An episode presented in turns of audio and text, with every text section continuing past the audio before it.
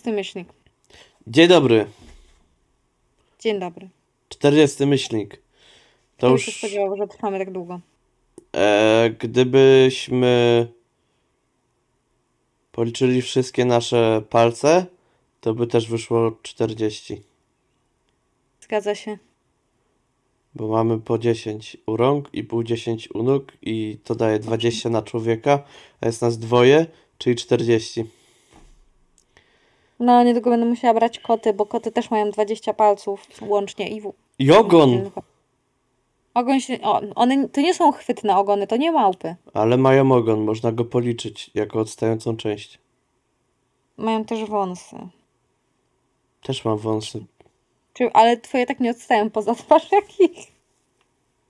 Mm. Ale jak jesteśmy, jak jesteśmy przy takich wąsach, to mi się skojarzyło. E, moi drodzy, zaprzyjaźniony twórca, czyli skrajnie poczytalny. No on ma takie wąsy. No ma, ma. Myślałem, że chodzi o doktora Spidera jeszcze. Nie, to akurat y, doktora Spidera mało znam, więc y, tak. Też ma Ale takie skrajnie poczytalny. No, ma zasny ten wąs, tak. Skrajnie poczytalny. E, W lutym, w dniu walki z depresją, zorganizował stream charytatywny, na którym zebrali 3,7 tysięcy złotych. To jest bardzo dużo. Jest bardzo dużo, biorąc pod uwagę, że to był jeden stream. Jakby to nie był dobowy stream. To była, chyba dobrze pamiętam, że sesja chyba streamowana, czyli coś koło 4-5 godzin. Mm, Dzięki tej pomocy odbyło się ponad 30 godzin sesji terapeutycznych dla najmłodszych, bo to jest dla e, mm, pomoc psychologiczna i chyba psychiatryczna dla dzieci, z tego co pamiętam. E, no niestety okazało się, że y, jako, że to jest fundacja, a jakby pomoc psychologiczna w naszym kraju, zwłaszcza dla najmłodszych, nie istnieje, bo po co? E, No to okazało się, że nie ma za bardzo z czego opłacać kolejnych sesji terapeutycznych dla dzieci, więc y, skrajnie poczytalny robi kolejną akcję, która będzie miała, jeśli dobrze pamiętam, miejsce 5 czerwca. Stay tuned. Będziemy udostępniać rzeczy, żeby tam szerzyć dobrą nowinę, ponieważ y, Adrian robi zajebistą rzecz i y, y, przypomina mi się teraz też y, może jakimś wydawcom czy ktoś, bo a nuż widać ktoś nas słyszy. Wy no tam wesprzyjcie, co ten wyjście tam. Albo możecie dać na przykład na jakąś aukcję podarek i przeznaczyć przykład. pieniądze na to. No, jakby on tam trochę was wylistował, więc jakby ja postaram się was wylistować też. Jakby trzeba uderzać we wszystkie. Tak. No, tak. Więc y, zapiszcie sobie w kalendarzu 5 czerwca. Eee, Bo obecnie partneruje Rebel. Co Tak. im się bardzo chwali. good job Rebel, good guy Rebel. Tak, więc będziemy dawać znać. Eee, zapiszcie sobie.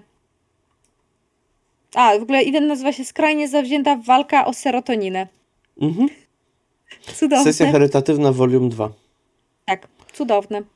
Będziemy, tak jak mówię, będziemy pisać, będziemy e, informować, szerować, bo Tak. to zacna akcja. Warto, warto, warto szerować takie. Tak, szczególnie, że to będzie już w tą niedzielę, która nadchodzi, więc możecie sobie zaplanować odpowiednio jakoś czas, żeby być.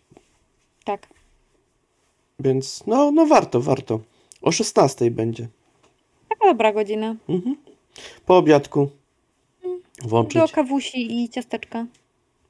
E, ba, akurat. nawet możecie włączyć, posiedzieć, zapłacić, nie oglądać do końca, zostawić włączone i to też pomoże, Owszem, bo więcej ludzi się dowie. owszem. Natomiast oprócz tego też jest druga szlachetna akcja, która się skończyła w ten weekend. E, Rzuć na serce 2.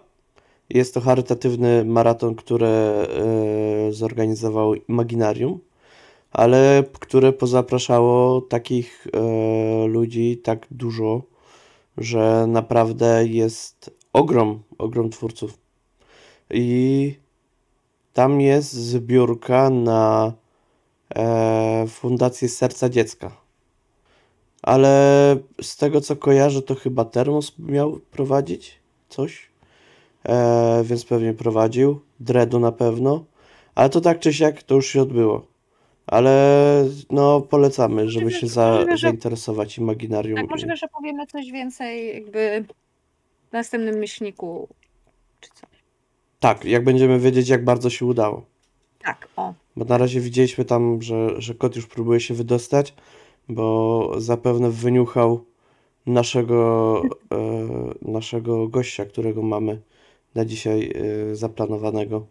A dzisiaj jest gość specjalny, jak pewnie widzicie zresztą w tytule, że, że odwiedzi nas e, Paweł Skała-Jurgiel, e, czyli jeden e, z członków Lance Macabre i Lance Macabre Publishing i będziemy rozmawiać o smoczych jeźdźcach. Więc zapraszamy na rozmowę. I tak jak mówiliśmy we wstępie, jest z nami Paweł Skała, Cześć. Jurgiel z Lance Macabre e, i też z LM Publishing Tak, jednocześnie. Tak, tak, jednocześnie. Jednocześnie. Jako, chociaż w LM Publishing tylko jako autor, bo e, tam e, szefem LM Publishing jest Z, a redaktorem głównym jest Iris. Ale bez autora też, też nie byłoby teraz smoczych jeźdźców, Tak, tak, No. o których porozmawiamy. E, I w momencie jak nagrywamy, to opublikowaliście progi. E, I to w sumie od tego zacznę, bo Dobrze, dobrze. jutrzejszego dnia, jak widzowie nasi to oglądają, będzie już e, dostępne Start. na wspieraczce. I Tak jest. bardzo mi się podobają ceny. Nie będę ukrywał, że mi się bardzo podobają, bo są niewielkie. Tak się staraliśmy, tak się staraliśmy zrobić, żeby no, nie, nie przesadzić w żadną stronę, tak? Żeby, żeby to było właśnie. y, Kurczę, no Z, Z to liczył, ale jakby przyświecała nam taka, taka myśl, że ma to być po prostu dobry projekt, produkt za dobrą cenę, a nie jakaś e, tutaj ani z jednej strony skok na kasę, ani próba e, oszczędzenia na czymś, żeby na czymś innym gdzieś mieć czegoś więcej. Po prostu uczciwie tyle to będzie wychodziło. To to jeszcze przybliżę, że za 39 zł w Earlybirdzie jest e, smok w PDF-ie, czyli wersja cyfrowa po prostu podarka. Za 159 zł jest e, podręcznik e, w wersji tej standardowej. I za 269 jest ekskluzywna, ładna czarna okładka ze złotym, pięknym smokiem. E, bo dobrze widzę, że to jest smok. To jest logo, to jest logo ze smokiem i z e, wesem jednocześnie. Tam jest z jednej strony smok, a z drugiej strony człowiek. To jest taki trochę, trochę wariacja yin-yang. Okej. Mam pytanie odnośnie tej okładki. Skóra czy y, płótno? Na razie myślimy o filcu. Uuu. Na razie myślimy o filcu. To miękko. Tak. Fajnie, fajnie. Bardzo fajnie. Jak na człowieka spadnie, to nie będzie tak boleć. I nie popęka jak skóra. I nie popęka jak Mhm. skóra. Tak. I, roz... I pewnie tłuczone i w ogóle wszystko takie. Tłoczone, tak, tak. tak, Mm. tak Kurde kusi. Kurde kusi. Dobrze. Ja Jest- chyba się jest- zdecydowałem po prostu, jak zobaczyłem. No nie? Tak. Na ekskluzyw. Y, Tu mogę zdradzić, że będą jeszcze zestawy z różnymi innymi, z różnymi Uuu. innymi dodatkowymi rzeczami. I w tych zestawach również będzie y, ekskluzywna okładka i normalna okładka i to będzie można sobie wybierać w zależności od tego, co się podoba bardziej i no i te inne rzeczy, które są w zestawach też mam nadzieję, że będą interesujące. Nie powiem jakie, żeby było po co wejść jeszcze na, na, na zbiórkę i zobaczyć to na miejscu, ale, ale będą, to mogę, to mogę powiedzieć. A będą kostki? Na pewno. będą kostki. Yy, tak, będą, e, będą kostki e, 6 szóstek najprawdopodobniej od Q-Workshopu, Mhm. e, a dodatkowo jest do dokupienia dla kolekcjonerów, e, którzy mają ochotę na e, rękodzielniczo wykonane kostki, piękne, piękne kausenki jako smocze kości. Do kupienia. Uuu. Ładnie. No to. No tak. Ja, ja ogólnie jestem kupiona, ale to, to kupuję jeszcze bardziej. Tak. Super, bardzo się cieszę. z, Bardzo podoba mi się Wasza reakcja, to jest taka reakcja, na jaką liczymy. E, to, to jest. No, nie spodziewałem się, że będą właśnie jeszcze dodatkowo rękodzielnicze kostki, bo. Bo, bo to, to już. No, da, dodaje takiego smaczku, szczególnie jak to mają być.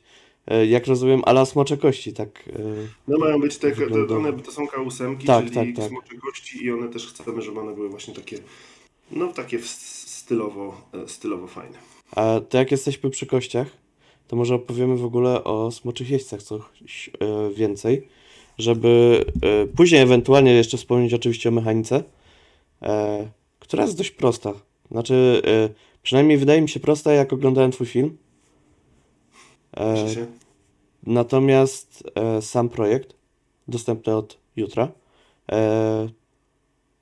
jak posłuchałem też, też swojego filmu zresztą, w, odnośnie samej krainy, odnośnie tego, jakie są tam możliwości i, i co można tam zagrać, e, o Aslaugu, o tym, jak tam przybył do tej krainy, to bardzo, bardzo mi się cała koncepcja podoba, że to jest takie mocno fantastyczne w ukierunkowaniu na to, że są ludzie i smoki i dodatkowo jeszcze te chimery.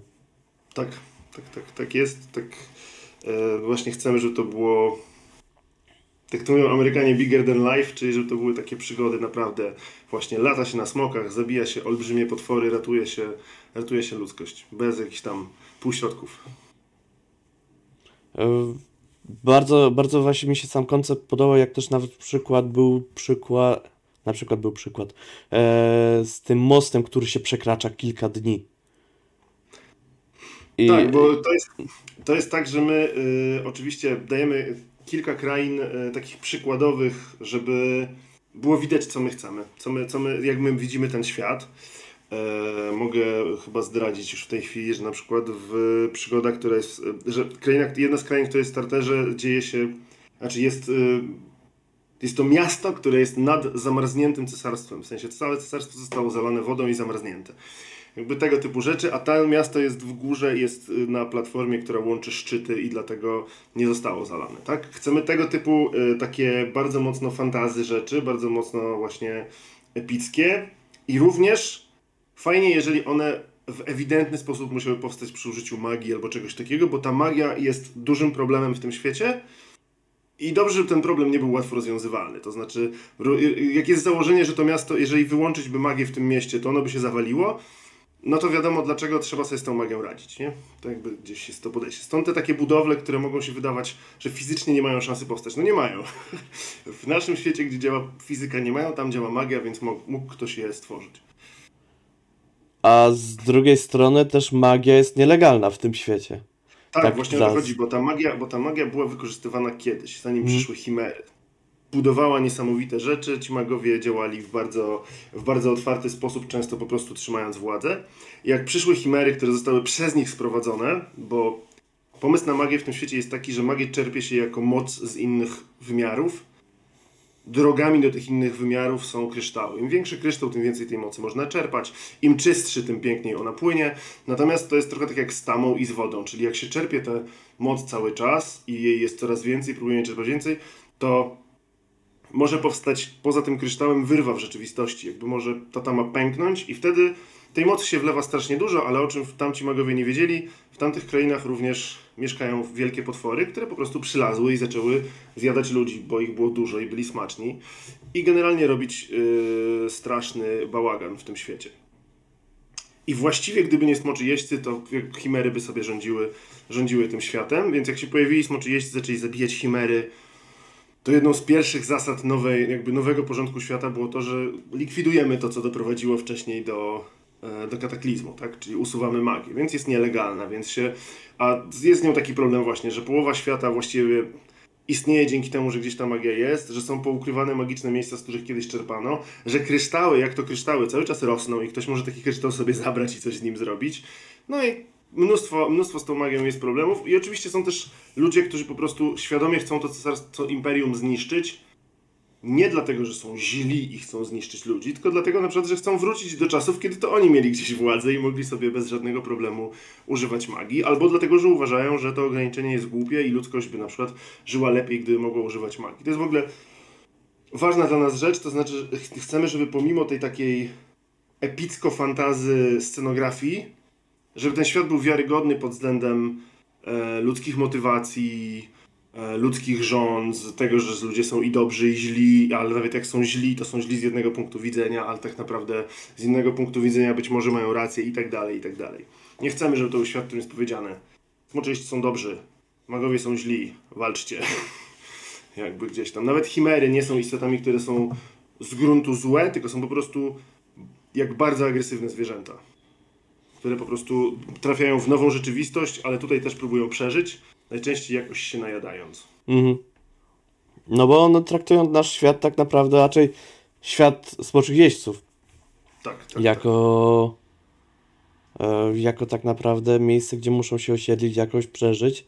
I, I no, my jesteśmy tak naprawdę tymi No, dołem, słabszą- dołem słabszymi, tak, tak, łańcucha pokarmowego. Dokładnie tak, dokładnie. E, czyli jak rozumiem, jakby całe wydarzenia, które będą do rozgrywki, będą niedługo po tym okresie nazwanym długą nocą, gdzie One pojawiły się chimery. Kilkaset lat po długiej A, nocy. Okej. Kilkaset lat po długiej nocy, ponieważ już cywilizacje się zdążyły odbudować. Imperium Mhm. jednak sto, stoją nowe miasta, stare miasta zostały tam odrestaurowane, ludzie w nich mogą żyć. Właściwie cały świat został, a przynajmniej tak są wszyscy przekonani, że cały świat został odkryty, wszędzie dotarło albo smoki, albo armia imperium, albo jacyś inni kapłani i można przyjąć założenie, że cały świat został odkryty i jest częścią imperium. W niektórych miejscach czy tego chce, czy nie chce, ale w większości z wdzięcznością, bo smoczy jeźdźcy uratowali im skórę, tak? To jeszcze z takim pytaniem, na które sądzę, że mogę nie dostać odpowiedzi. Jasne. E, czy w podręczniku jest podane skąd przybył Aslaug? Nie. Nie. Y, Założenie, które gdzieś tam nam świeca przy robieniu tego podręcznika jest takie, że nie dajemy jasnych odpowiedzi na, Mhm. na pytania, na które nie mają odpowiedzi mieszkańcy tego świata. Z dwóch powodów.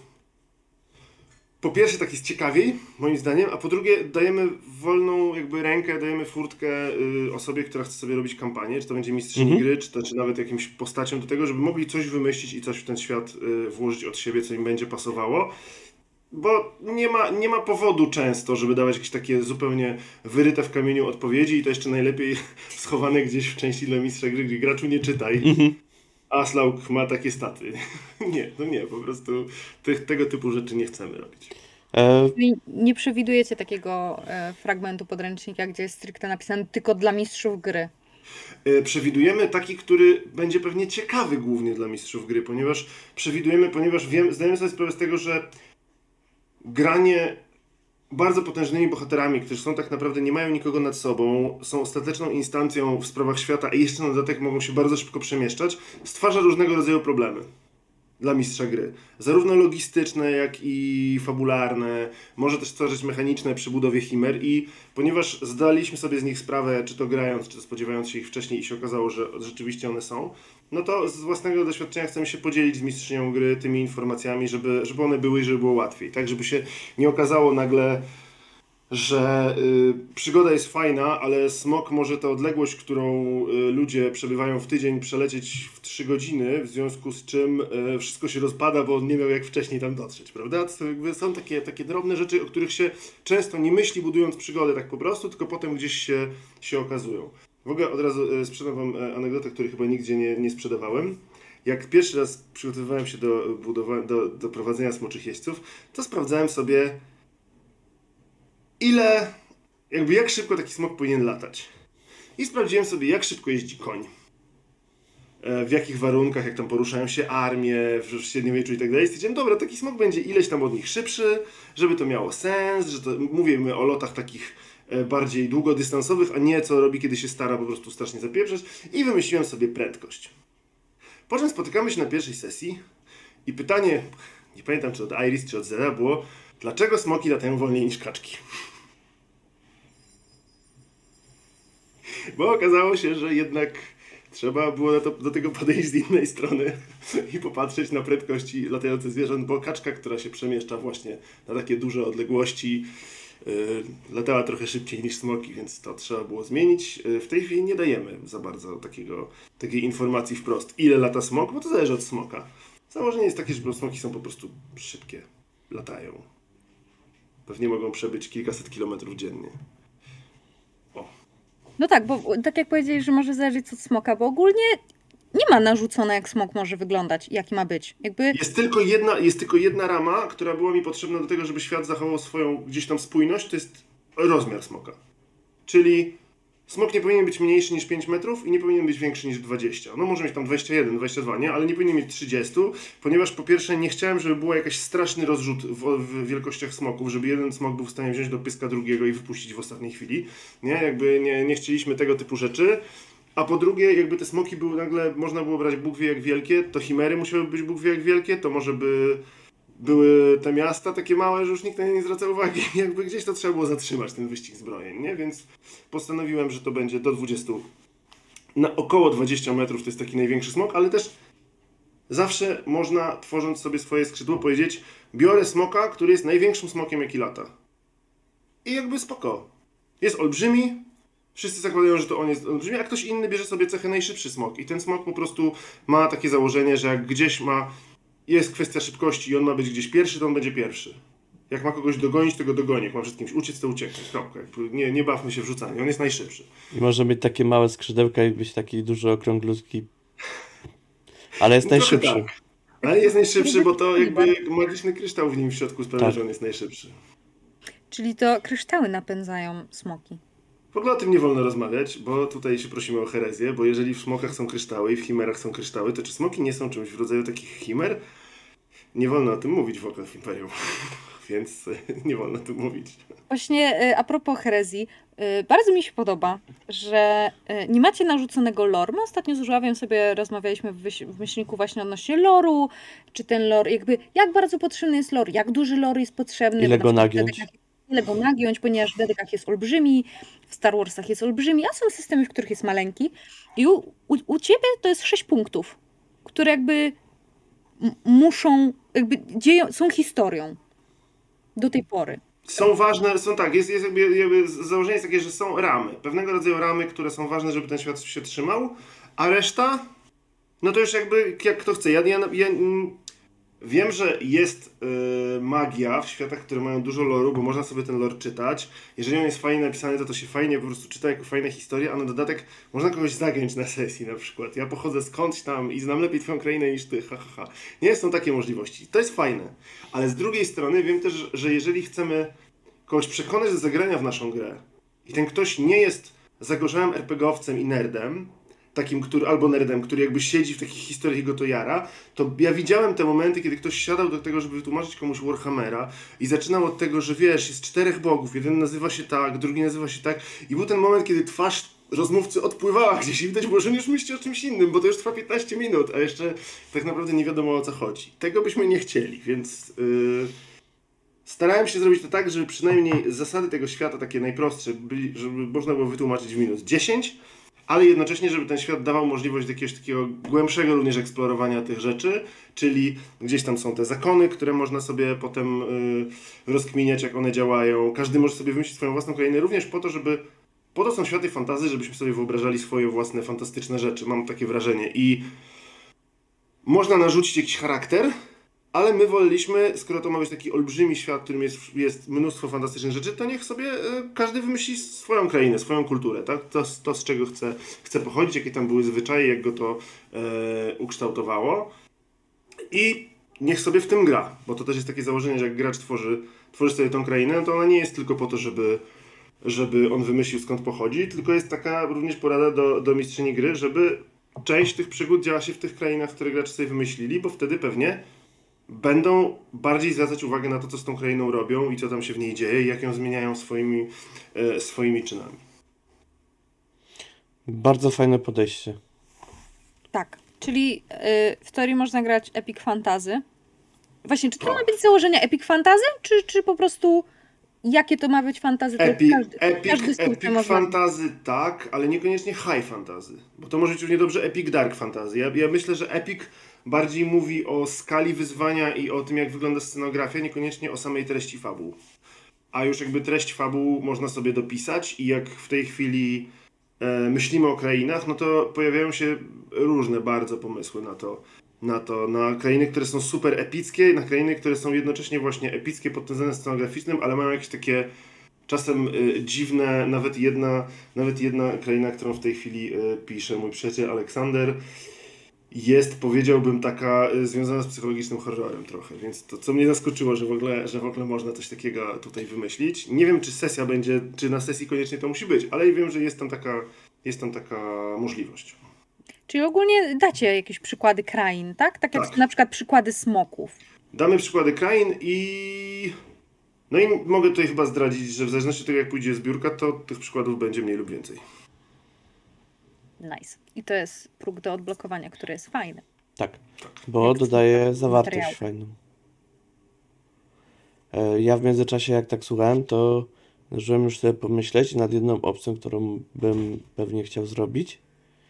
E, bo skoro i chimery, i smoki przybyły skądś, i niekoniecznie to jest to samo miejsce, to znaczy, że inne miejsca też są gdzieś. Czy ty właśnie y, zdradzasz pomysły na następne podręczniki, które mamy w głowach? E, to przypadkowo, bo, bo o tym Nie, nie wiem, wiedziałem. wiem, bo nie rozmawialiśmy o tym, ale to jest tak, to jest ten kierunek, który się w pewnym momencie otwiera w głowie, nie? Skoro one skądś przybyły, to skąd? Tak, Co dodatkowo tam jeszcze pomyślałem, że skoro Aslaug przybył skądś i w teorii on w tym świecie jeźdźców jest tym e, złotym bogiem smokiem, e, jest tym najważniejszym, jest tym, który wybawił właśnie ludzi od chimer częściowo, a może tak naprawdę on jest wygnańcem, skąd, skąd przybył. I tam na przykład był wielkim zbrodniarzem.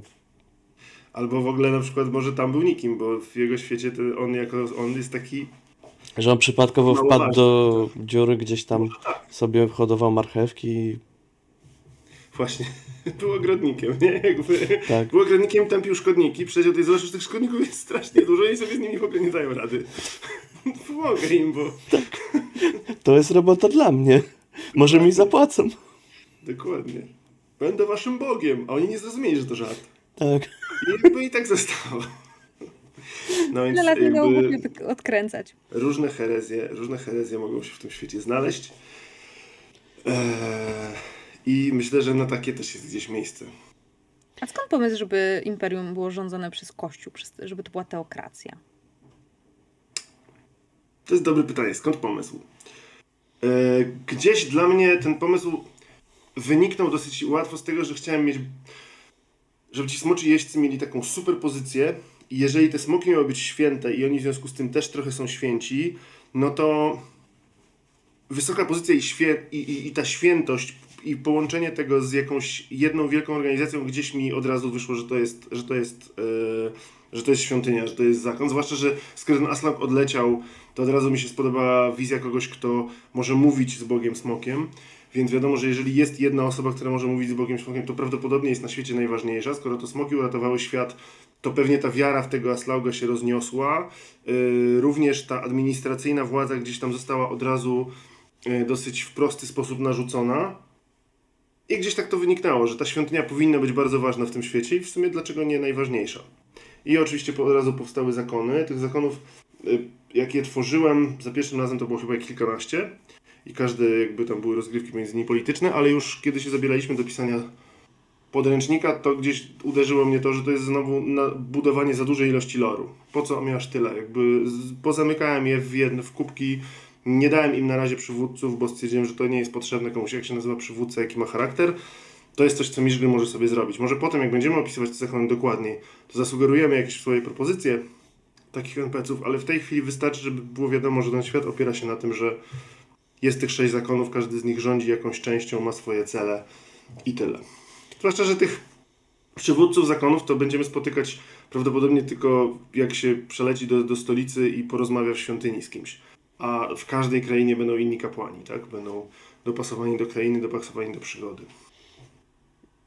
Wydaje mi się też, też że jest e, przynajmniej jakby tak patrząc wstecz, e, dla ludzi było to dość pierwotne, że kapłani byli ci, tymi, którzy sprawują władzę często, czy Tak. w starożytnym Egipcie, czy u Inków, Majów i, i w Ameryce Południowej tam też e, skojarzyło mi się to z tą bajką Drogą do Eldorado. Tak, tak, tak, tak, tak, tak, tak. Gdzie, gdzie No był tak, jeden no ten zawsze- główny zawsze- kapłan, który tak naprawdę rządził, a ten e, jakby imperator, szef tam główny to tam miał mało co do powiedzenia i Co można spojrzeć na to, że od wielu, wielu wieków się nie zmieniło. Tak. Nie wiem, czy to można mówić na antenie, ale tak. sobie- E, raczej tak. Raczej tak. To dobrze. Ja mówię gorsze rzeczy. Wolno, wolno mówić. To dobrze. Ja mówię gorsze rzeczy, jeszcze nas nikt nigdzie nie, Stwierdzam. nie zgłosił i czasami nawet zapominam to wyciąć. i- Okej. E, pytanie takie ode mnie, bo powiedziałeś e, tam w swoim filmie, że istnieją magiczne przedmioty i miejsca Mhm. i czy te magiczne przedmioty mogą trafić w ręce jeźdźców albo graczy w ogóle po prostu, którzy... Jeden z e, talentów do wyboru na starcie mędrca to jest e, posiadanie magicznego przedmiotu. To jest pierwsza rzecz. E, on jest oczywiście opisany bardzo mechanicznie, to już sobie gracz wymyśla, co to jest za przedmiot i, i do końca jak wygląda to, jak on działa, ale jest taka, jest taka, jest taka możliwość. Yy, Dodatkowo w rozdziale o magii będziemy pisali więcej, jak ona działa, jak, jak, jak przewidujemy, że w jaki sposób gracze mogą się z nią spotykać. Założenie jest takie, że generalnie yy, jak się lata na smoku, to nie wolno używać magii, bo to się jedno z drugim kłóci. Eee, nie, abstrahując od tego, że w ogóle nie wolno używać magii, no to jeszcze Mhm. na dodatek robi się krzywdę smokowi. Mm. A możliwości magicznych miejsc to już będą do wymyślenia dla y, mistrzyni gry w fabule przygody, a magiczne przedmioty. Oczywiście też powiemy, damy, damy jakby przykłady tego, jak to może wyglądać, jak to może wyglądać mechanicznie, jak to może wyglądać fabularnie. A magiczne przedmioty jak najbardziej. Założenie jest takie, że to szary zakon decyduje, czy dany magiczny przedmiot jest niebezpieczny, czy nie, ale co zrobi szary zakon, jeżeli zobaczy smoczego jeźdźca z bardzo niebezpieczną, magiczną siekierą? Czyli w teorii można mieć nielegalnie taki przedmiot i dopóki szary zakon tego nie odkryje, to... Czyli inaczej, jeżeli człowiek go ma, Mhm. to jak szary zakon to odkryje, to mu pewnie go zabierze, zamknie go do więzienia albo na wszelki wypadek zabije jako maga. Ale jeżeli ma to smoczy jeździec, to szary zakon może stwierdzić bardzo prosimy pana, żeby pan tego nie używał albo panią, a smoczy jeździec może powiedzieć "E, nie znasz się, jestem smoczym miejscem, a Slok mi pozwolił i oni wtedy mogą powiedzieć "E, a tak, dziękujemy. Okej, okej. No Jakby smoczy jeźdźcy są ponad wszystkimi, oni się nie muszą słuchać nikogo. Oczywiście wiadomo, że szary zakon będzie jątrzył, będzie na przykład dogadywał się z innymi smoczymi jeźdźcami, bo jest zasada, że jak się zbierze siedmiu smoczych jeźdźców, którzy uważają, że ktoś się zachowuje nieodpowiednio, to oni mogą go osądzić i ukarać. Więc ten szary zakon będzie się starał zebrać innych siedmiu, żeby im powiedzieć, słuchajcie, on nie powinien latać z, tym, z tą siekierą, nie? Ona jest bardzo niebezpieczna i być może tacy się znajdą. Ale tak wprost, bezpośrednio nie mogą przyjść i powiedzieć, ha, smoczy jeźdźcze, czy tam smocza jeźdźczyni, jesteś aresztowana. No, to śmiało. Oddaj magiczną siekierę. Aresztujcie mnie, nie? Będę używać magicznej siekiery, żeby się nie dać, co wy na to. Więc tak. Czyli to jest fantazy, w którym nie da się grać magiem. To jest fantazy, w którym nie da się grać. Znaczy. To jest fantazy, w którym jak się gra magiem, to jest to niebezpieczne i ma to swoją wagę fabularną bardzo dużą. Y, W kampanii, którą prowadziłem dla naszych patronów, która jest do obejrzenia na YouTubie, jedna graczka y, gra postać, która ma. Wtedy graliśmy to na fejcie, więc zupełnie innymi zasadami, ale która ma pewnego rodzaju yy, magiczne skłonności. I yy, w ostatniej scenie, takiej końcowej, finałowej scenie jednej przygody, decyduje się na użycie magii po to, żeby zniszczyć coś bardzo groźnego, z pełną świadomością tego, że jeżeli jej to wyjdzie, to jej smok również od tego umrze. Jest taka sytuacja, jak to się kończy, to wam nie powiem, ale jest taka sytuacja, więc propos umierania smoków, bo y, wprowadziliś, wprowadziliście tam y, do Year Zero tą mechanikę więzi. tak, Ogólnie, że im większa więź, tym lepiej się jeździec rozumie ze smokiem i tak dalej. tak. Y, więc. y, Bo ogólnie to też nie jest tak, że jeździec ze smokiem są do końca życia swojego. Znaczy, mogą, Mogą być jak mają pecha, tak? To prawda. Y, Nie, założenie jest takie, że oni się związują ze sobą na dwie dekady. Dlaczego? Nie wiadomo. Oficjalna wersja jest taka, że po prostu tak obiecał Aslaug, że, że na pewien czas te smoki w zamian za to, że coś dostaną od swojego jeźdźca, będą mogły, będą przez te dwie dekady z tym smoczym jeźdźcem latać i zabijać chimery. A potem mówią, jakby dziękujemy. Wystarczy. y, i A mechanicznie. być może, być może robią się po prostu za stare, żeby już latać. Nie wiadomo. Nie wiadomo dlaczego, ale sobie odlatują i smoczy jeździec zostaje sam. I mechanicznie I jak to wygląda mechanicznie? Bo tam, e, żeby związać się ze smokiem, oddaje mu się coś. Tak, oddaje się mu, mu coś, to jest mechanicznie rozpatrywane w ten sposób, że jest jedna umiejętność, która staje się wrażliwa na obecność smoka. Im mamy większą więź, tym bardziej i jeżeli smok jest z nami, to więź wpływa na to, że zamieniamy K6 na K8. Im silniejsza więź, tym więcej. A jeżeli smoka przy nas nie ma, to tracimy tyle kości z puli, jaką mamy siłę więzi. Natomiast fabularnie właśnie to są te sceny bez smoka, kiedy, kiedy nie mamy tego. Smok nam to zabrał. Co oznacza, że czy smok odleci, czy smok zginie, on nam to zabrał. Jak zostajemy bez smoka, to zostajemy bez tego. Co zakładam, że może być ciekawe do grania później. Natomiast nie wiem, czy trochę nie jest tak, że w tej chwili, w tej formie, w jakiej istnieje ten system, jest to system o smoczych jeźdźcach, czyli trochę koniec więzi ze smokiem jest pewnego rodzaju końcem opowieści tego bohatera. Niekoniecznie musi tak być, bo ja widzę atrakcyjność grania smoczym jeźdźcem, który już nie jest smoczym jeźdźcem, który się nabawił wielu e, przyjaciół, wrogów, majątków i tak dalej i, i, musi sobie radzić bez tego, co kiedyś zdecydowało o tym, że, że był kimś, tak? To może być moim zdaniem całkiem ciekawe, ale myślę, że to jest w tym momencie trochę inna gra i na pewno nie jest to gra, w której jest skrzydło smoczych jeźdźców i jeden bez smoka, tylko pewnie trzeba byłoby to zmienić na jakiś taki grę e, tymi smoczymi jeźdźcami po w świecie smoczych jeźdźców. Co też, też widzę, jak to, jaki, to ma, jaki to ma potencjał. Właśnie mówię, jest to jakieś dla mnie, jest to dla mnie w jakiś sposób atrakcyjne, więc nie, nie ukrywam, że mam ochotę y, poeksplorować ten temat, na przykład w jakimś następnym podręczniku. Czyli jeździec nie może się związać z nowym smokiem, jak mu się skończy. Nie, to jest zawsze jednorazowe. Smok Okej. nie może się związać z nowym jeźdźcem, jeździec nie może się związać z nowym smokiem. Okej. A, jeżeli. Nie, to w sumie się zawiera w tym. To nie. To... e, Bo pomyślałem, że jeżeli zginie jeden z nich, to czy drugi może sobie na resztę jakby czasu znaleźć kogoś, czy nie? No właśnie nie, właśnie nie, nie, nie. To Okej. jest w tym momencie koniec. Kończy się więź, smok odlatuje albo jeździec zostaje sam. Okej. Czyli tak po, poważnie, poważnie wtedy.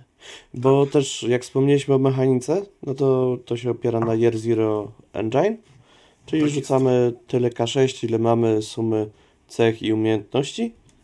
E, plus jest modyfikacja ta w przypadku właśnie tych scen ze Jak- smokiem i jak bez jest- smoka. To jest tak, jak jesteśmy ze smokiem, to zawsze mamy plus, dwie, plus 2 K8, Mhm. bo smok wpływa na to, że y, robimy rzeczy lepiej y, na różne sposoby. Y, tu od razu powiem, bo nie wiem czy wszyscy wiedzą, K8 w Year Zero Engine dają taką sytuację, że sukces jest na 6 i 7, ale na 8 to są dwa sukcesy, czyli są bardzo, bardzo takie szalone. A druga rzecz jest taka, że w w tej puli, która jest związana z naszą więzią, to co było ceną więzi, to jest zawsze jedna umiejętność. Jak za nią rzucamy i smok jest przy nas, to zamieniamy jeszcze tyle kostek, ile mamy tej więzi na K8, czyli możemy mieć naprawdę bardzo konkretną pulę czasami. E, Dodatkowo też e, tam w jeden z waszych filmów właśnie wspominałeś o tym, że e, ben... duży nacisk jest kładziony na mechanikę fail forward, że mimo tego, że jakby na kościach może się coś nie udać, to żeby dalej jakby coś szło do przodu, żeby dalej Tak, żeby nie mieć takich sytu- żeby nie Mhm. mieć sytuacji, prawda, takich. y, Chyba ten przykład najczęściej się zdarza w ogóle w RPG-ach, że są drzwi i trzeba je otworzyć i gracz rzuca za otwieranie, nie udało mu się ich otworzyć, to co może zrobić? Może rzucić jeszcze raz za otwieranie. Jakby RPG nie polegają na tym, że jest radość z rzucania 15 razy, aż się uda. Przynajmniej takie wynik, wychodzimy z takiego założenia, więc nawet jak coś się nie udaje, to coś się wydarza. Nawet niech to będzie głupie złamanie pilnika, którym otwieraliśmy te drzwi, albo że coś upadnie i zrobi hałas, a wiadomo, że ktoś nas może usłyszeć. Coś, cokolwiek, co zmienia sytuację i powoduje, że stawka jest wyższa, że stawka jest inna, że, że coś się dzieje. No dokładnie tak, dokładnie tak. Okej. Czyli nawet jak. Bo jak Po prostu, rozumiem, po prostu. przygoda idzie dalej, tylko niekoniecznie tak, pomyśli, tak, tego, co chciał grać. Tak, czyli po prostu jest e, albo im się udaje, albo im się nie udaje i muszą ponieść jakieś tego konsekwencje dalej i okej, to, Tak, tak, tak. to, to fajnie, fajnie, bo pod tym względem, że czasami też spotkałem się z taką mm, takim odbiorem różnych mistrzów gry, że dla nich to jest, że no nawet jeżeli jest pech, to i tak e, graczom się coś udaje. E, a tutaj wydaje mi się, że raczej jest to odwrócone w drugą stronę, że jak się graczom nie udaje, to zawsze się coś dzieje, ale niekoniecznie to, co by chcieli. Niekoniecznie to, co byście inaczej, może im się udać na przykład, tylko może się potem okazać, że z innego powodu niż chcieli. Tak? Chcieli kogoś przekonać, chcieli mu powiedzieć, słuchaj, jesteś dobrym człowiekiem, jakby chcesz to zrobić. I jak im nie wyszedł rzut, to może się później okazać, że on to zrobił i się zgodził, ale dlatego, że wykombinował, że dużo na tym zarobi, nie? I jakby i chce gdzieś tam w międzyczasie e, ich zdradzić, tylko nie akurat nie w tym momencie, bo ten mu się mniej opłaca. Tak? Okej, Jakby, okej. Jak, to sobie, jak to sobie wymyślimy, tak, tak, tak będzie. Czasami to mogą być ten rzut na wiedzę, czyli E, Rzucamy za wiedzę i mm, pytamy się mistrza gry, czy wiemy, jak się zachować w danej sytuacji, czy coś takiego. No i jak nie wyszedł ten rzut, to jesteśmy przekonani, że wiemy, jak się zachować, nie? To jest jakby w ten sposób. Podoba mi się to. Zdecydowanie, bo to też jakby. Mhm. Jeszcze, jeszcze chciałem dodać e, odnośnie takich rzeczy, które. zm- Bo to akurat jest Wierzira, ale coś, co zmieniliśmy mocno pod względem Wierzira, to jest to, że chcemy, żeby mistrzyni gry nie rzucała kostkami prawie w ogóle. Właściwie jest chyba w tej chwili tylko jeden moment, w którym rzuca kostkami i to jest, jak nie ma ochoty wybierać ataku Chimery, tylko chce sobie wylosować, który to będzie.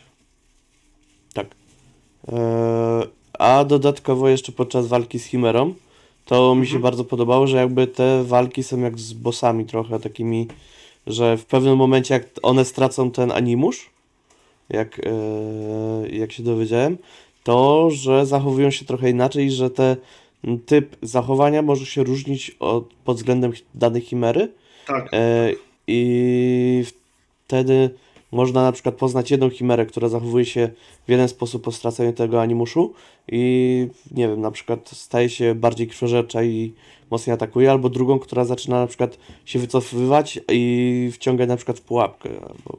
Tak, tak, dokładnie tak. Jakby chcemy, żeby te, te walki były za każdym razem ciekawe i nie polegały tylko na zadawaniu damage'u, tylko również na tym, że nie wiadomo co się stanie, nie wiadomo jak się stanie, co ta chimera zrobi, czy jak do tego podejść w ogóle, czy na przykład opłaca się ją zawracać jej głowę na początku małymi atakami, żeby ona nie szła w kierunku miasta, czy na przykład wiemy, że jak zaatakujemy ją tylko trochę, to ona się tak wkurzy, że trzeba uważać, więc trzeba jak najszybciej, jak najszybciej pochradać ją najmocniej, żeby, żeby nie było w ogóle tego momentu, tak? Bo gdzieś pomiędzy tą ilością animuszu a tą, ona jest najgroźniejsza. Gdzieś jest postać, która ma szansę, znaczy postacie mają szansę się takich rzeczy dowiadywać, tego jak się zachowuje Chimera fabularnie i potem dzięki temu jakoś tam sobie wykombinować, jak z nią najlepiej, jak z nią najlepiej sobie poradzić. Ale też z drugiej strony Chimera zawsze pewnie będzie zaskakująca i gdzieś te walki będą raczej szybkie, mogą być niebezpieczne, ale właśnie na pewno powinny być ciekawe. Jeżeli te chimery będą wychodziły tak, jak my tam będziemy doradzać, żeby one wychodziły, to powinny być też przy okazji właśnie ciekawe, zaskakujące. Różne ataki, y, różne nastawienia, właśnie to o czym ty mówisz, czyli w zależności od tego, ile one ma animuszu, to się może różnie zachowywać. I jeszcze chcemy, żeby chimery miały swoje zachowania. Znaczy mamy taką chimerę, która w pewnym momencie po stracie określonej ilości animuszu automatycznie się chowa. To jest automatyczna jakby rzecz i dopiero y, y, bohaterowie muszą się zorientować, gdzie się schowała. Jak się nie zorientują, to coś, a jak się zorientują, to, to coś innego. Tak? Jakby jest taki, jest taki moment i to wprowadza gdzieś tam coś nowego do walki, bo się walka toczy, jest niebezpiecznie i nagle nie ma chimery i co się dzieje.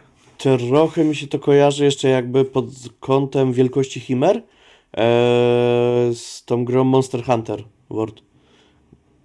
Okej, no, ja już że- byłem pytany, czy udaje, że chimery to nie jest kaiju, tak? Dobrze mówię? Kaiju? Nie wiem, nie wiem, ja Jest kojarzę taka- to- tylko... To, co w Pacific Rim e, Tak. są te potwory i tak dalej, no też właśnie, że że się śmieli, że udaje, że to nie są kaiju. Trochę są, no. Jak już wiem, czy są kaiju, to, to mogę przyznać, Tak. trochę są.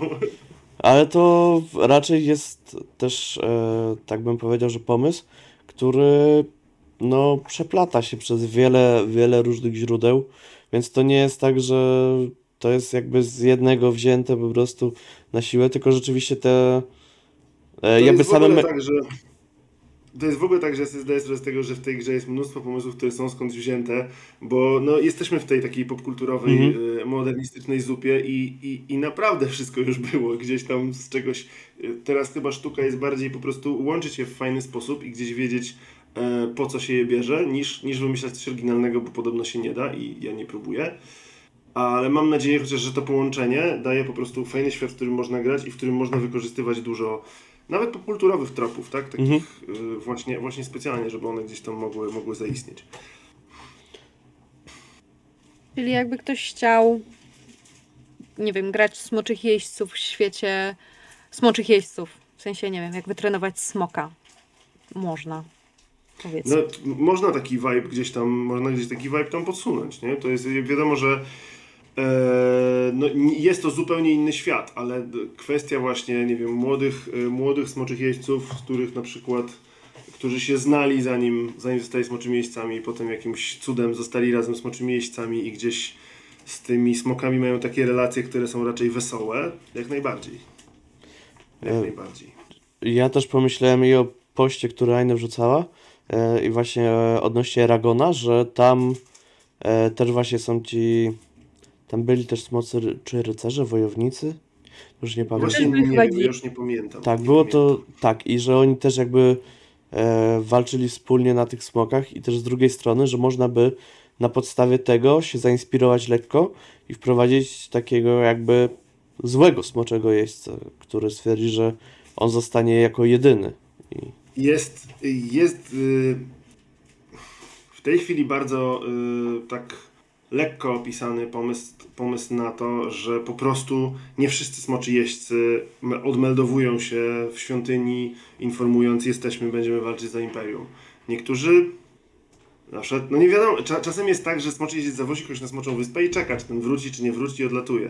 mhm. Ale być może ktoś nie poczekał, i bo wydawało mi się, że tamtego już smoki zjadły, a go nie zjadły i on sobie wrócił na smoku, tylko nic nikomu nie powiedział, bo na przykład nie chce działać zgodnie ze świątynią, tylko chce się gdzieś zaszyć i mieć swoje małe królestwo, do którego nikt nie przybędzie. Mhm. A może uważa, że imperium jest złe i cieszy się, że dostał nową, nową władzę. No to jest to, co jest ważne i co uważam, że też sprawia, że tacy smoczy jeźdźcy są bardzo nieoczywistymi postaciami, jest to, że każdy smoczy jeździec słyszy głos Aslauga. I jego smok dba o to, żeby ta interpretacja tych słów Aslauga była wcielana w życie. W związku z tym, nawet jak mamy do czynienia z takim smoczym jeźdźcem renegatem, Mhm. to przecież on też działa zgodnie ze słowami Aslauga. To co to znaczy? Jak, No my, tak. go mamy jak my go mamy traktować, nie? To Czy wtedy już nie jest tylko- źle, czy to my robimy źle? No my nie robimy źle, bo my też działamy z... No i jakby jest... I Mam dodatkowo nadzieję, też tego- wtedy taki smok jakby też może mieć e, chyba jakby inny pomysł na to, żeby inaczej zinterpretować te słowa. Yy, tutaj to jest tak, jeżeli chodzi o. Na razie, na razie, jeżeli chodzi o graczy, zakładamy, że to gracz jakby mówi jaka jest interpretacja, jego smok się z tym zgadza. Yy, Czy mamy sytuację, w której smok się nie zgadza z interpretacją jeźdźca? O tym nie myśleliśmy. Myśleliśmy o tym, że czasami jeździec może się zachowywać nie do końca zgodnie z interpretacją, z, z tymi słowami, które usłyszał, Mhm. i, wtedy, i wtedy istnieje szansa na jakiś tam konflikt z jego, z jego przyjacielem lub przyjaciółką. Ale to, o czym mówisz, też pewnie ma szansę, ma szansę zaistnieć. Tam nie wszystkie, nie wszystkie relacje, które możemy mieć ze smokiem, są relacjami pozytywnymi. Mhm. Można mieć taką, która jest problematyczna, więc jakby być może ten problem wynika z tego właśnie, że na przykład inaczej patrzymy na słowa Aslauga. To już jak kto sobie wymyśli i takich NPC-ów na pewno też można stworzyć. Albo nawet po prostu przeinaczanie tych słów przez tego smoka już całkiem. To, to, ta, tak mi po prostu do głowy wpadło teraz, że. Jasne, jasne. No mam wrażenie, mam, mam, mam, e, za każdym razem jak cieszę, jak słyszę takie rzeczy, to się cieszę, bo cieszę się, że e, przychodzą do głowy od razu różne rzeczy, jak się słyszy o tych smokach, że tam się pojawiają różne pomysły od razu na krainy, na, na, na kwestie relacji ze smokiem, a ten, bo mam wrażenie, że to dzięki temu daje szansę na to, żeby było naprawdę dużo bardzo różnorodnych sesji, różnorodnych settingów i, i w związku z tym, żeby ten system istniał i, i, i działał, że nie jest bardzo jednostronny. No bo właśnie wspomniałeś o tych więziach i y, nie wiem, jak tam ten Aragon, którego wspomnieliśmy, czy ci smoczy jeźdźcy, w sensie jak wytresować smoka. Tam wszędzie to jest taka przyjacielska relacja między jeźdźcem a Mhm. smokiem, że oni się lubią, nie wiem, opiekują się sobą. Jest taka bardzo braterska, taka sztama. A jakby u was to nie, nie zawsze musi tak być. Jakby... Nie, no mamy takie założenie, że to jest pewnie podstawowa relacja. To być może najczęstsza, ale nie narzucamy tego. E, Jest to jedna z wielu relacji. Ta relacja może być po prostu taką właśnie przyjacielską, kumpelską, ale wyobrażamy sobie na przykład taką relację, w której smoczy jeździec traktuje tego swojego smoka jak świętą istotę. Trochę się do niego modli, trochę z nim rozmawia nie jak ze zwykłą istotą, tylko jak z kimś, kto jest od niego mądrzejszy, ważniejszy, słucha jego porad i tak dalej. To może być taka relacja. Ona jest nadal pozytywna, ale trochę w innym vibe. Może być taka e, relacja, w której jest dominacja tego smoka. W sensie smoczy jeździec jest na tyle silny, że znalazł sobie wierzchowca i na nim lata, ale ten smok jakby akceptuje to, że teraz ma jeźdźca i robi to, co on mu mówi i jest takim bardzo inteligentnym, bardzo lojalnym sługą, prawda? Ale może być też w drugą stronę. może być smok, który stwierdzi, no dobrze, to dzisiaj lecimy tam. Chodź. Aslaug Jakby- kazał. Eee, a Aslaug mi powiedział, wiesz? Tam są dobre owce, a przy okazji Aslaug mi tam kazał polecieć. Dokładnie tak. Więc te relacje mogą być, mogą być bardzo różne, mogą być bardziej pozytywne. Raczej większość nie jest taka stricte negatywna. Wymyśliliśmy jedną, która jest po prostu. E, która nie jest, w której, w której jeździec ze smokiem się nie lubią. Ale to, co też jest ważne z tymi relacjami, one się mogą zmieniać. To nie jest tak, że jak wymyślimy sobie na początku gry la- relację, to ona już taka zawsze będzie. Nie. Wychodzimy z założenia zaufania dla graczy i tego, że oni wiedzą, co im się najlepiej gra i jak im się najlepiej tworzy ten łuk fabularny swojej postaci i tak dalej. Więc jeżeli gracz poczuje, że po danej sesji jego relacja z jego smokiem się zmieniła, to on po prostu mówi, słuchajcie, wydaje mi się, że powinien zmienić tą relację i tam może się doradzić z stołu, czy im się to zgadza, czy nie, ale generalnie może sobie to zmienić i wtedy ma już inną relację, bo jak każda, jak każda relacja dwóch osób, to się może po prostu zmieniać, wydarzenia mogą na to wpływać, że się, że się robi lepiej lub gorzej. Ale zawsze dzięki więzi może się robić coraz mocniej. To jest właśnie, to jest w ogóle ważna, ważna, ważne rozróżnienie. To, że mamy bardzo silną więź, nie oznacza, że ona jest pozytywna. To może być bardzo silna więź. My się możemy coraz lepiej rozumieć i na przykład przez to coraz bardziej nie lubić. To może też dlatego jest ten limit 20 lat. Może dlatego, jak może Aslan pomyślał, nie no, więcej niż 20 lat to im nie wytrzymają. tak. E, czy wiadomo, bo jak rozumiem, Aslaug też miał, tak pytam, zapytam lorowo jeszcze, Aslaug też miał swojego jeźdźca kiedyś? Tak, Aslau kiedy się pojawił, pojawił się dlatego, że, we, że Wes był pierwszym człowiekiem, który wpadł na to, że można walczyć z chimerami i zabił chimerę. Znaczy, Okej. że- Nie to, że wpadł, ale że się odważył, że, że podjął taką, taką decyzję, zrobił to i wtedy przyleciał do niego Aslaug i powiedział yy, to chodź, będziemy robić to razem. Nie? To była taka, Mhm. była taka ta. I po tym jak Wes już odszedł, nie, nie, nie, nie zdradzamy jeszcze jak, bo Okej. Zakładamy, że z tym jak mogą się wiązać, wiązać różnego rodzaju ciekawe rzeczy. Zakładam, że są historie różne o tym, jak on odszedł. W każdym razie potem Aslaug powiedział będę zawsze wybierał jednego z was lub jedną z was, z którym będę rozmawiał i przekazywał to, co, to, co uważam. No i związku z tym jest trochę taki system buddyjski tego najwyższego arcykapłana, najwyższej arcykapłanki, czyli w pewnym momencie, jak najwyższa arcykapłanka już tam umiera, to mówi Aslaug mi powiedział, gdzie macie szukać następnego spadkobiercy, co zresztą jest wątkiem w tej przygodzie, którą gra w tej chwili Aine. Zgadza się, tak. Mamy znaleźć nowego arcykapłana. Dokładnie tak. Gdzieś tam myślimy sobie, że te rzeczy, które y, arcykapłan słyszy od Aslauga, to nie jest tak, że oni sobie tam siedzą i gadają, tylko bardziej jest takie trochę na zasadzie pyti, nie? Że Aslaug powiedział e, Wschód twojego imperium, jak nie stanie w ogniu, to zaleje go woda. Aha. Okej. Mm. Tam jest morze, więc chyba dobrze. Ale nie wiem, co z tym zrobić, nie? Jakby zakładam, że to mogło, może być, że tak naprawdę nie wiadomo do końca, jak to wygląda. Niektórzy kapłani mogą mieć takie stosunki, inni mogą w ogóle na przykład przez wiele lat nie słyszeć Aslauga i nie wiedzieć, czy wtedy, czy robią dobrze i w związku z tym nie ma żadnych uwag, czy robią tak źle, że on już nie chce z nimi rozmawiać, nie? Jakby wszystko sobie można interpretować w zależności od tych. Ale cały czas to działa. Cały czas to istnieje, działa, jest. E, to nie będę już pytał, bo to pewnie jest, jest poza całkowicie odpowiedzią. E, bo pomyślałem jeszcze. To ja powiem o czym pomyślałem po prostu. E, o skorumpowaniu głównego kapłana poprzez magiczną moc, która przychodzi e, z innego wymiaru. Jest to bardzo ciekawy pomysł na kampanię. Czemu nie? Czemu nie? Aby moc magiczna jest magiczna. Tak. Więc e, po prostu mi tak przychodzą czasami do głowy No pomysły. jasne, różne i- jasne, jasne. Nie, jest to, jest, jest to ciekawy pomysł na kampanię.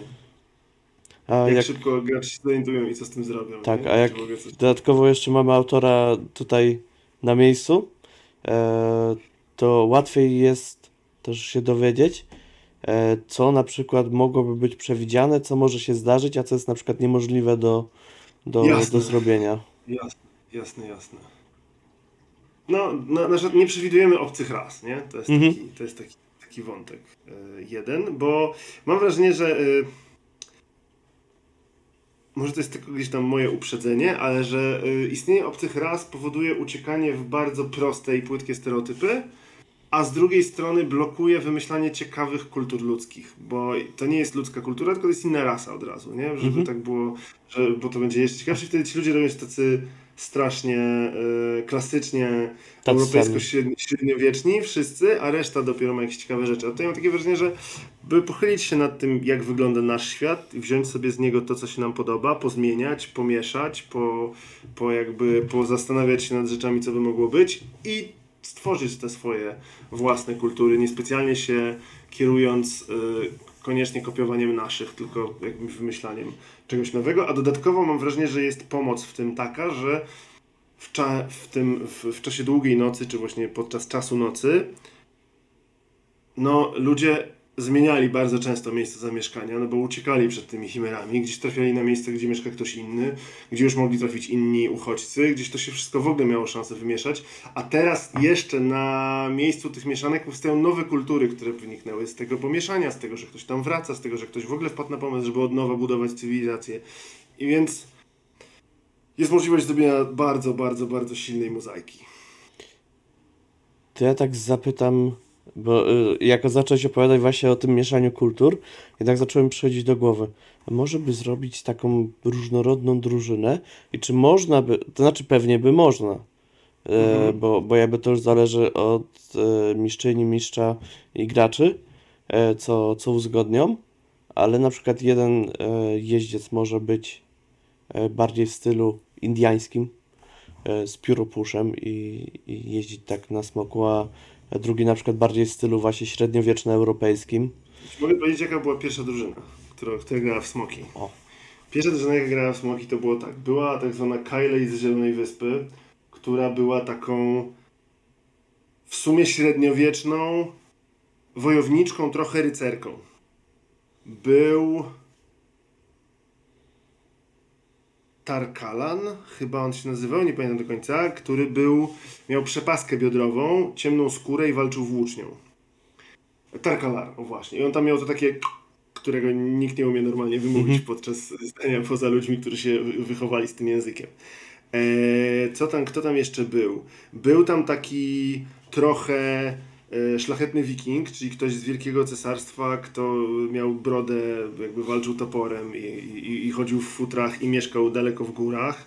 Był e, mędrzec z pustyni, który e, był e, no, klasycznie, klas, klasycznie arabskimi rysami, z, prawda, z, w takim, chodził w, w galabijach i tak dalej. Więc tak, można totalnie wymieszać, wymieszać sobie tą, tą drużynę, bo ten świat taki jest, a smoczy jeźdźcy pochodzą z bardzo różnych, z różnych krain, tak? A potem jeszcze gdzieś tam w międzyczasie pojawiła się postać na przykład takiego Indianina jak bardziej azteckiego. Mhm. Gdzieś to dokładnie tak to wygląda. Te drużyny będą różne. E, to jeszcze zapytam odnośnie typów smoków. E, Typy smoków. Tak jak tak. powiedziała Aine. Mm, Nie ma narzuconego tego, jak smok wygląda, nie ma narzuconych gatunków smoków. To bardziej jest tak, że jak ja to sobie wyobrażam, że byłoby najskuteczniej i najfajniej robić smoka, to jest wymyślam sobie, jaki ma charakter, jakie ma moce, bo tam można wybrać trzy moce spośród tych, które są przez nas zaproponowane. I kiedy wiem, jakie mój smok ma moce jaki ma charakter, to się zastanawiam nad tym, jak on w związku z tym wygląda. Nie? Jeżeli wziąłem sobie moc, że jest olbrzymi i majestatyczny, to będzie wyglądał inaczej niż jak wezmę sobie moc, że jest olbrzymi i na przykład zionie ogniem. mhm. Nie? Co, tam, co tam mu jeszcze dodam? Bo może mieć troszkę inne, troszkę inne, prawda, y, czy to będzie, nie wiem, na przykład jest jeden z takich smoków, który się pojawił u nas, o, dokładnie, pojawił się u nas taki wręcz bizantyjski rycerz, taki w olbrzymiej zbroi, trochę taki warhammerowo-czterdziestkowy Mhm. wręcz bym powiedział. To on miał smoka, który walił piorunami i jego, i jego łuski błyszczały w momencie, kiedy on się w pewnym sensie ładował, tak? To przechodził przez nie taki, takie te, więc jakby tutaj ten, ten wygląd może być bardzo dopasowany, ale nie ma gatunków, nie ma czegoś takiego, że czy bierzesz sobie smoka wodnego, czy leśnego, nie, to jakby Nie, bardziej smok pomyślałem o tym e, jak są na przykład smoki e, w naszej kulturze trochę wciśnięte, e, że mamy na przykład smoki, jakby też podział na to, co jest smokiem, co jest na przykład, e, A. co jest jako dragon, co jest jako drake. Właśnie, przypomniałeś mi, jest jeszcze Mhm. druga rzecz, która jest bardzo ważna, którą każdy smok ma. Każdy smok ma skrzydła i może latać. O. To jest też taki, taki ten. Nie ma, smo, nie ma założenia właśnie drake'ów, tak? Drake'i chyba nie mają, e, nie mają skrzydeł, czy... E, mają nie, skrzydła, ale mają połączone z łapami chyba, jak dobrze E, To, pamiętam. wywer, to wywerny. Tak. To wywerny. A y, chyba łyrmy albo Tak, któreś to mają, nie mają mają, skrzydeł. nie mają skrzydeł. Nie, to Mhm. nie, to, to, to, to nie jest smok, to, to nie wchodzi y, w smoki. U nas wszystkie mają skrzydła, ale mogą mieć takie skrzydła, że właśnie jak się opiera na łapach, to tak naprawdę opiera się na łokciach Okej. skrzydeł, nie? A może być taki, że ma cztery nóżki i tutaj sobie macha skrzydełkami Dobrze. jest okej. A może mieć na przykład, to znaczy pewnie Może, może. mieć futro, pióra, O. łuski, wszystko naraz. Może mieć pysk gadzi, może mieć mniej gadzi, bardziej gadzi. Tak naprawdę zakładam, że to, co dopuszczamy w wyglądzie smoka, powinniśmy obgadać przy stole, żeby nie było tak, że dla kogoś twój smok nie wygląda jak smok i w ogóle go wybija z imersji, że to jakby... No. Nie mówmy o tym, że to jest smok, nie? Dogadajmy się, co jest, co wchodzi w grę, co nie wchodzi w grę. Jak ktoś bardzo chce, żeby jego smok był, nie wiem, różowy i inni gracze się na to zgadzają, to ja nie mam jakby nic przeciwko. Znaczy każdy ja- sobie tego smoka wyobraża, jak chce. Ja tak bardziej szalony, y, jakby oprócz futra i piór, to, to, to już nie wykraczało poza zakres mojego szalonego pomysłu, e, bo mój po prostu był taki, że taki długi e, azjatycki smok, taki chiński. Spoko. Spoko. Pierzasty, pierzasty smok, pierzasty wąż, taki nawet bardziej, jak najbardziej. Tak, z tymi, z różkami jelonka takimi, Mhm. nie? Bo one mają takie, nie takie Tak. nasze rogi, tylko mają takie zawsze takie, no. Tak, Na przykład czemu mógłby być bardzo dobry do transportowania ludzi. Bo jest długi. Bo jest długi i się dużo zmieści. Nie. A potem mógłby być dobry do transportowania ludzi, mieć charakter, który mówi, że nie lubi ludzi. Tak. I jakby wieczne kłótnie, nie? Ale weź ich, tylko ty możesz. Ale nie chcę. No. A jeszcze y, taka ciekawostka, która może być, y, która może być interesująca odnośnie tego, jak to jest z tym smokiem na sesji, nie? Jakby kto go odgrywa. Więc przewidujemy cztery możliwości odgrywania smoka. Jedna jest taka najbardziej klasyczna, w sensie ja jestem swoim bohaterem, mój smok to jest NPC prowadzony przez mistrza gry, czyli mistrzynię gry. Druga opcja to jest taki trochę pół NPC, gdzie e, gracz opowiada, co ten jego smok robi i tak dalej, ale raz na jakiś czas mistrzyni gry się wtrąca z jakimiś motywami. Czy one będą ciekawe dla przygody, czy ciekawe dla sceny, czy właśnie e, przypomni komuś, że jego smok ma inny charakter, w związku z tym może się nie zgodzić na taką rzecz. Taka opcja. Y, Trzecia opcja, taka najbardziej bezpieczna dla gracza, ale dla mistrzyni gry, która chce oddać całkowicie kontrolę, to jest, że y, gracz gra zarówno bohaterem, jak i smokiem. A czwarta to jest taka, że dajemy innemu graczowi swojego smoka. do A! Miałem o to zamiar zapytać 20 minut temu. No muszę przyznać, że ta ostatnia jest chyba najciekawsza. W sensie taka Ona jest ciekawa. Ja żyłka niepewności. Ja bym nie umiał chyba tak grać, ponieważ ciężko by mi było jednocześnie myśleć o swojej postaci, jak i o czyimś smoku, ale prowadziłem taką sesję dla imbów i to wyszło fajnie. Poza tym, że nie wiem, czy oglądający będą rozumieli, co się dzieje. Bo gracze są raz z sobą, raz z smokiem kolegi, nie? Więc Mhm. jakby te interakcje są strasznie takie dziwnie wymieszane, ale to jest fajny eksperyment. Mi się podobało jako mistrzowi gry na to patrzeć. Pytanie Fajnie. jakby w takim wypadku, jak ktoś się czuje z odgrywaniem, żeby Tak, inaczej odgrywać tak, czy coś, dokładnie. ale to, to jest faktycznie ciekawe. Przyznam. Każda drużyna może sobie właśnie grać jak to, jak to będzie chciała i, i poeksperymentować, bo to może się okazać, że pierwszy pomysł nie wyjdzie.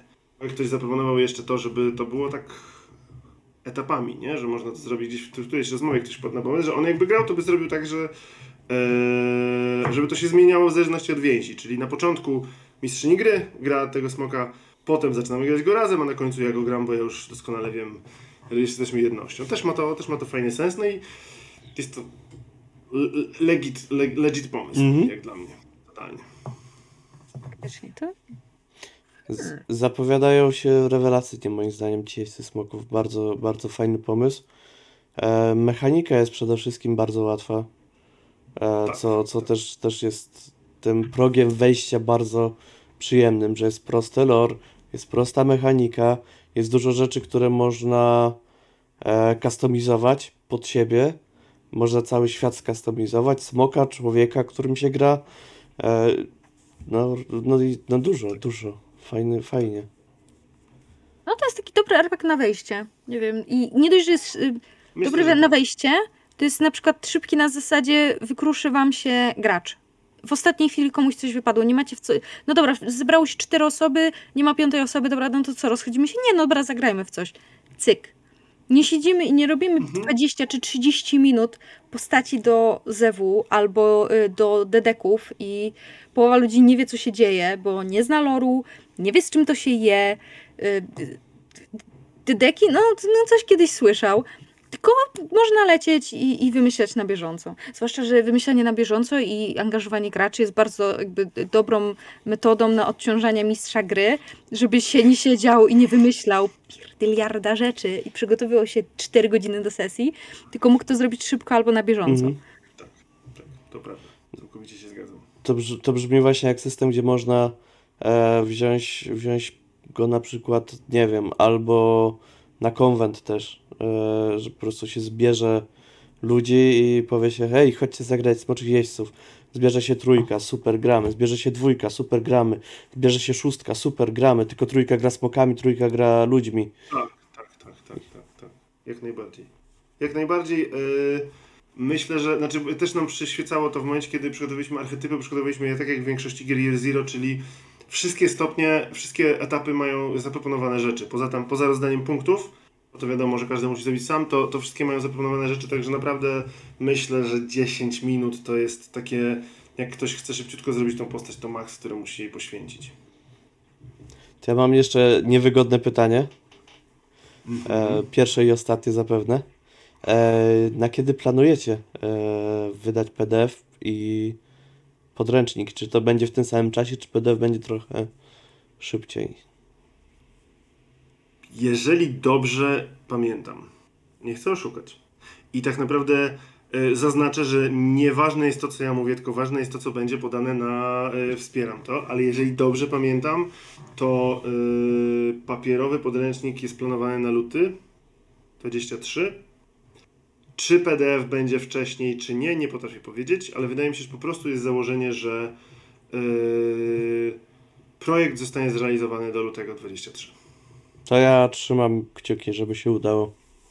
Ja bardzo mocno w to wierzę, bo wiem, że y, poprzedni projekt, y, poprzedni projekt Lans, y, znaczy LM Publishing, czyli Case Files Mhm. został zrobiony dokładnie tak, jak został obiecany Mhm. z wszystkim na czas, więc myślę, że tutaj mogę zaufać. Mogę zaufać mojemu projekt menedżer- menedżerowi, czyli Zedowi, że on, że on dowiezie to na czas i że to wszystko zostało przemyślane i, i sk- skalkulowane dobrze.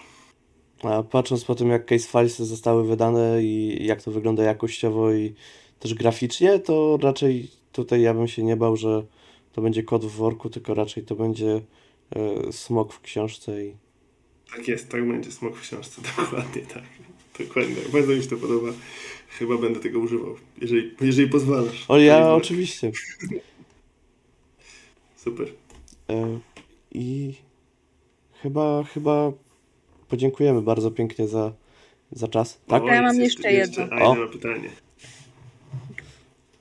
w jakiegoś w pięciu słowach miał przekonać kogoś, dlaczego ten system jest fajny, bo jakby my z Żuławem wiemy, że on jest fajny, ja w niego gram, więc już w ogóle, ale tak wiesz, na zasadzie w, typu sprzedaj mi ten długopis, sprzedaj mi tych smoczych jeźdźców. W pięciu słowach nie wiem, czy dałem radę, nie? Ale tak jak sobie myślę yy, nad tym, co najczęściej, co sprzedaję ludziom, co sprawia, że zaczynają się interesować i chcą słuchać więcej, to jest tak po pierwsze, e, latasz na smoku. Po drugie, yy, jesteś bohaterem przez duże B.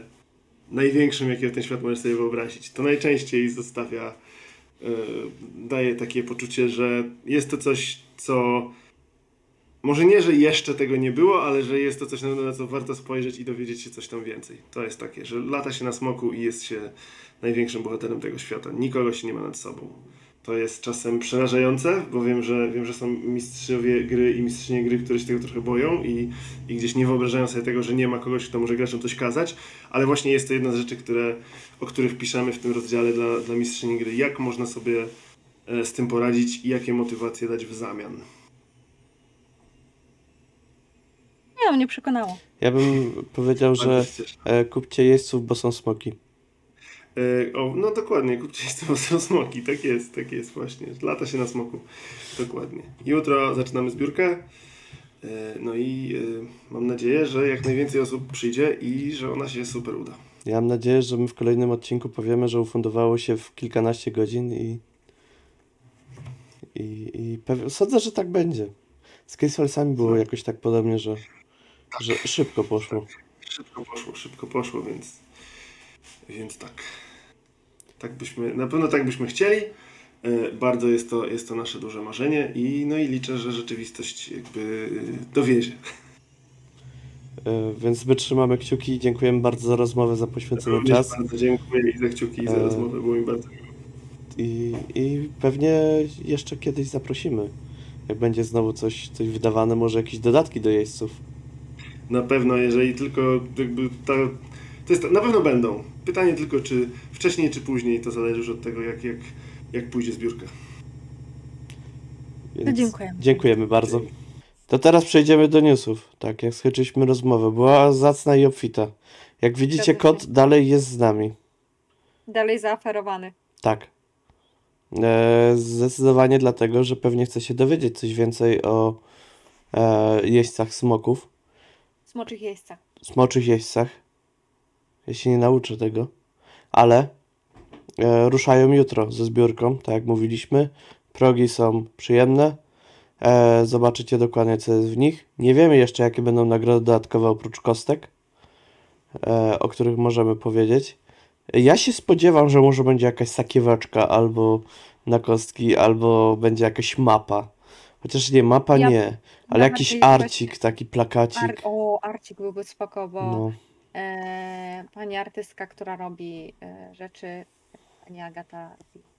Pani Agata nie jest z Polski, z tego co ja zdążyłem się zorientować. Mam bladego pojęcia. Znaczy prowadzi fanpage po angielsku, więc równie dobrze może być z Polski lub nie.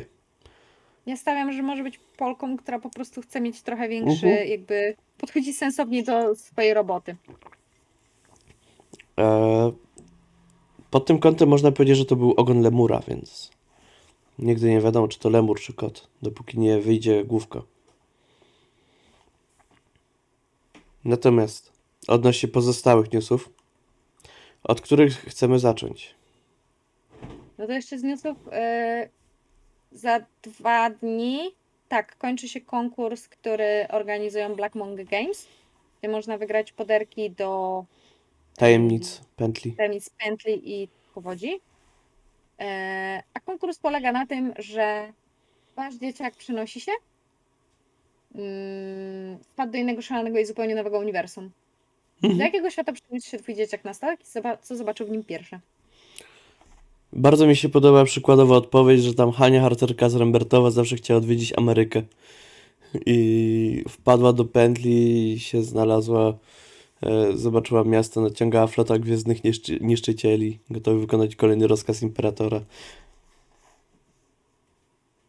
No cóż, Haniu, life is brutal, And full of zasadzkas. ale bardzo fajny konkurs. Bardzo fajny, ja polecam, szczególnie na grupie Tajemnic Pętli RPG możecie zobaczyć sobie. Tak, Cały bo tam się w konkurs. ogóle on odbywa, więc jakby Tak. tam trzeba oddzielić odpowiedź. Mhm. E, oprócz tego mamy informację od, od, od, od, od Kopernikusa mamy informację. Informacja od Kopernikusa. Premiera. E, mm, fizyczna premiera archiwów Imperium tom pierwszy. Suplement do systemu Warhammer Fantasy Roleplay czwarta edycja. Oraz premiera wiedźmińskich zapisków suplementy do gry fabularnej The Witcher. Więc możecie dostać archiwa Imperium, tom pierwszy. Możecie dostać wiedźmińskie zapiski. Wszystko znajdziecie na stronie Kopernikusa. Eee, już Wam przedstawię cenę. Za wiedźmińskie zapiski 120 zł, za archiwum Imperium e, 140 zł.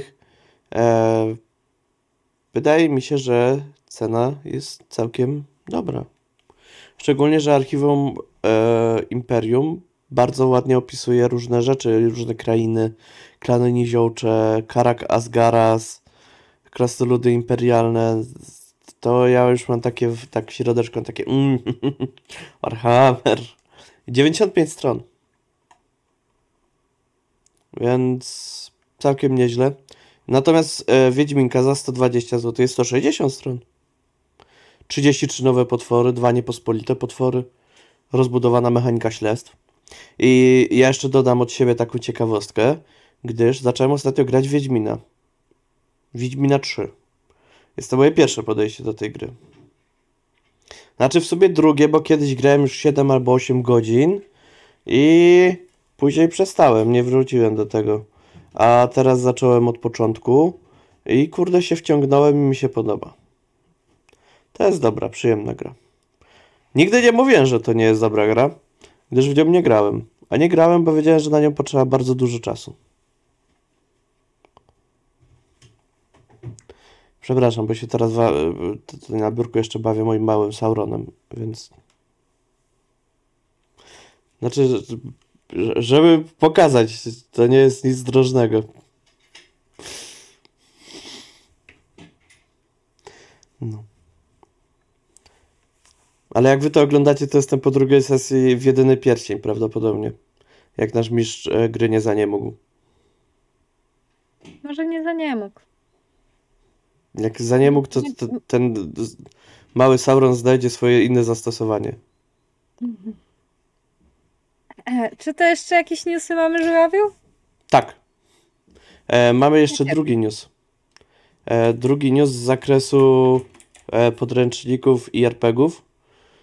W momencie, w którym to nagrywamy jest piątek, czyli dzisiaj o 20 jest live e, Alisów. To, co mówili, to postaramy się, żebyście się dowiedzieli w tym odcinku.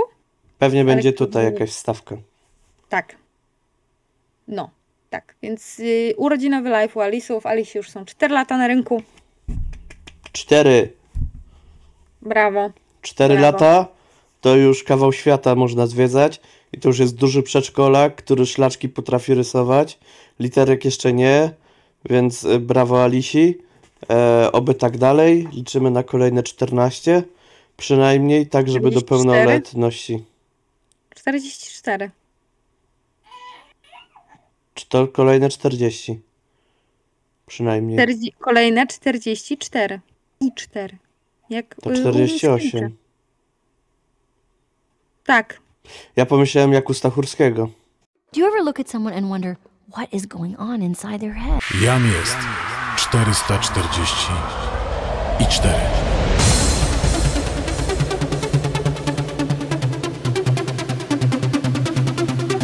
To też jest y, wielki poeta. Tak, a ja nie, nie będę dzielił Polaków, ale moim zdaniem twórczość Stachurskiego jest lepsza niż Mickiewicz. Jest. Czy mamy jeszcze jakieś newsy? Sądzę, że nie. Sądzę, że w tym momencie nasz gość odcinka się trochę wstydzi, gdzie trafił. No może nie. Może nie. Mamy za to memy. Mamy memy. Przejdźmy do bezpiecznej strefy, strefy komfortu.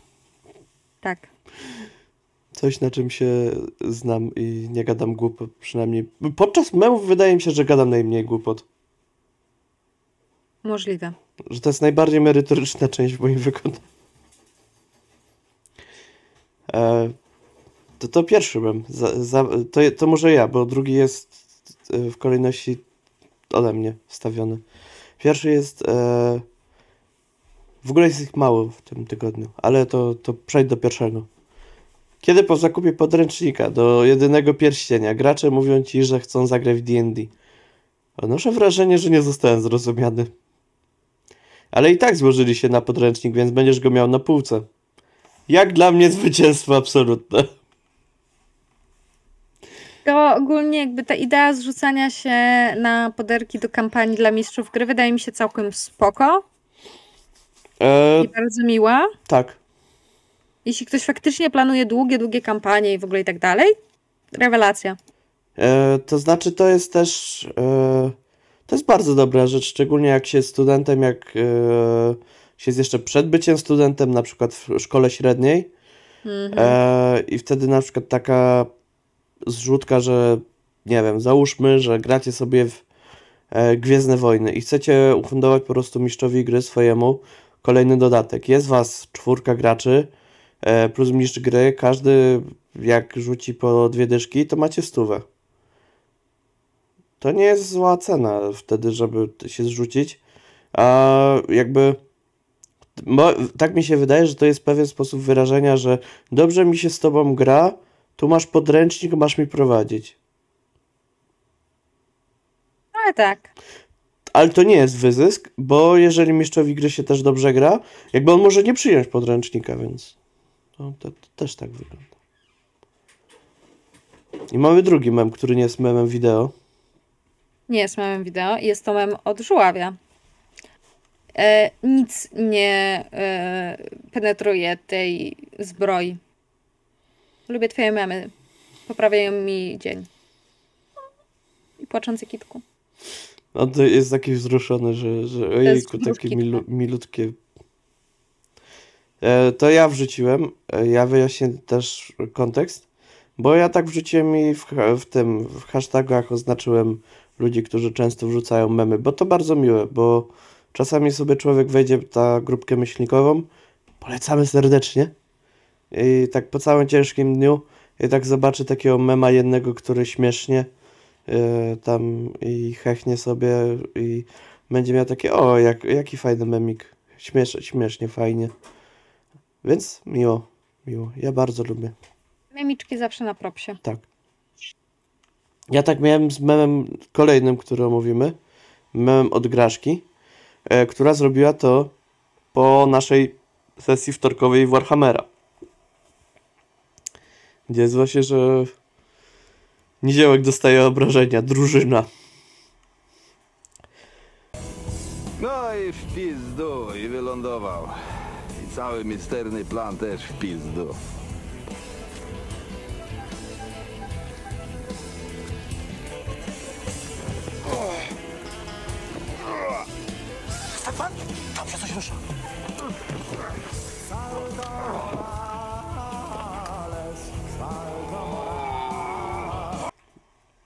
O, to jest, I to jest jeszcze scena z Killera, to jest taki klasyczek kinematografii.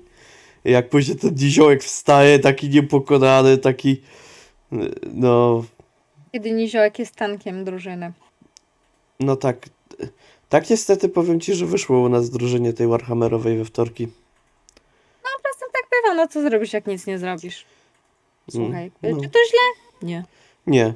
Ale tak e, powoli rozważam, czy ta drużyna nie potrzebuje wsparcia jeszcze jakiegoś bohatera. Interesting. Interesting. Czy nie przydałby się bohater, tylko że osoba, e, którą bym rekrutował, by mi powiedział: Wiesz, stary, jakbyś mógł wziąć taką postać, która przeżyje więcej rund walce niż trzy. By, Bez bym- sensu. Tak, ja bym bardzo mocno appreciate this. Bardzo mocno appreciate this. E, ja, wiesz, trochę nie mieszkałem e, tu, gdzie mieszkam, bo byłem na tydzień w, Warszawie i tam in A. Warsaw inaczej mówią, A, like talking about. a. Tak naprawdę Okej. bredzę. Nie. A mieliśmy też mema z bredzeniem kiedyś. Mieliśmy, owszem. U mnie gracze go ostatnio po sesji użyli. Przeciwko mnie. Bo się zapytali, a ta elfka wróżbiarka, to ty sobie zapisałeś to, co ona mówiła, czy po prostu tak bredziła? Przepraszam. O. A ja miałem takie, nie muszę zapisywać, jak mam to nagrane. E, tak, to jest dobra rzecz, ponieważ ja tak raz postawiłam, e, postawiłam jakby moje, e, postać Marceliny, postawiła Tarota.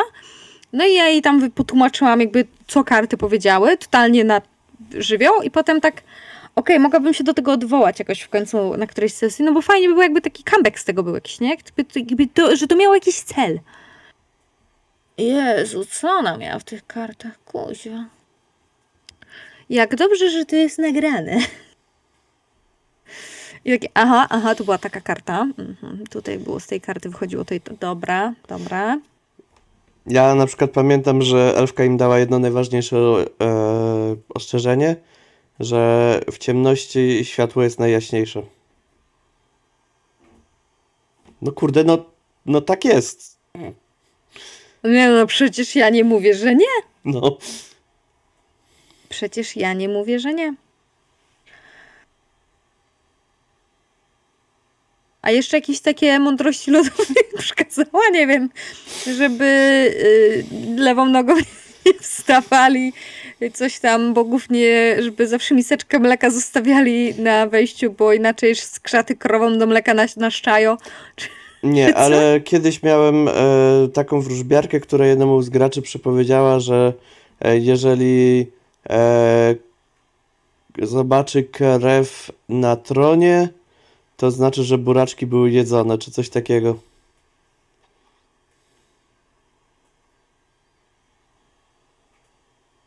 Nie mam słów do tego, nie, nie mam. A co najlepsze, te ży- przepowiednie później weszły w życie. I boraczki były jedzone. Tak, ale krew na tronie należała do kogoś, kto tam po prostu został zabity. A wcześniej jadł buraczki. I to była jedyna osoba, która jadła buraczki, dlatego bo buraczki dopiero miały być jedzone na obiad, a ta osoba zmarła przed obiadem. I ona wyjadła buraczki zanim był obiad. Uważam, że tym radosnym akcentem Tym radosnym akcentem w 40 myślniku żegnamy się z wami. Riku tiku tiku. Jezus Maria. A potem skała to oglądaj tak. To jest najlepsza promocja. Ale rozmowa e, ze skałą była bardzo merytoryczna i była fachowa. Bardzo. Potwierdzam, było bardzo fajnie. Było bardzo fajnie. Tak. E, Bardzo przyjemna rozmowa. Pozdrawiamy serdecznie, dziękujemy za obecność. Dziękujemy Wam, widzowie, za obecność i widzimy się w kolejnych 44 odcinkach Myślnika. Do zobaczenia. Czas znikać. Papa. Pa.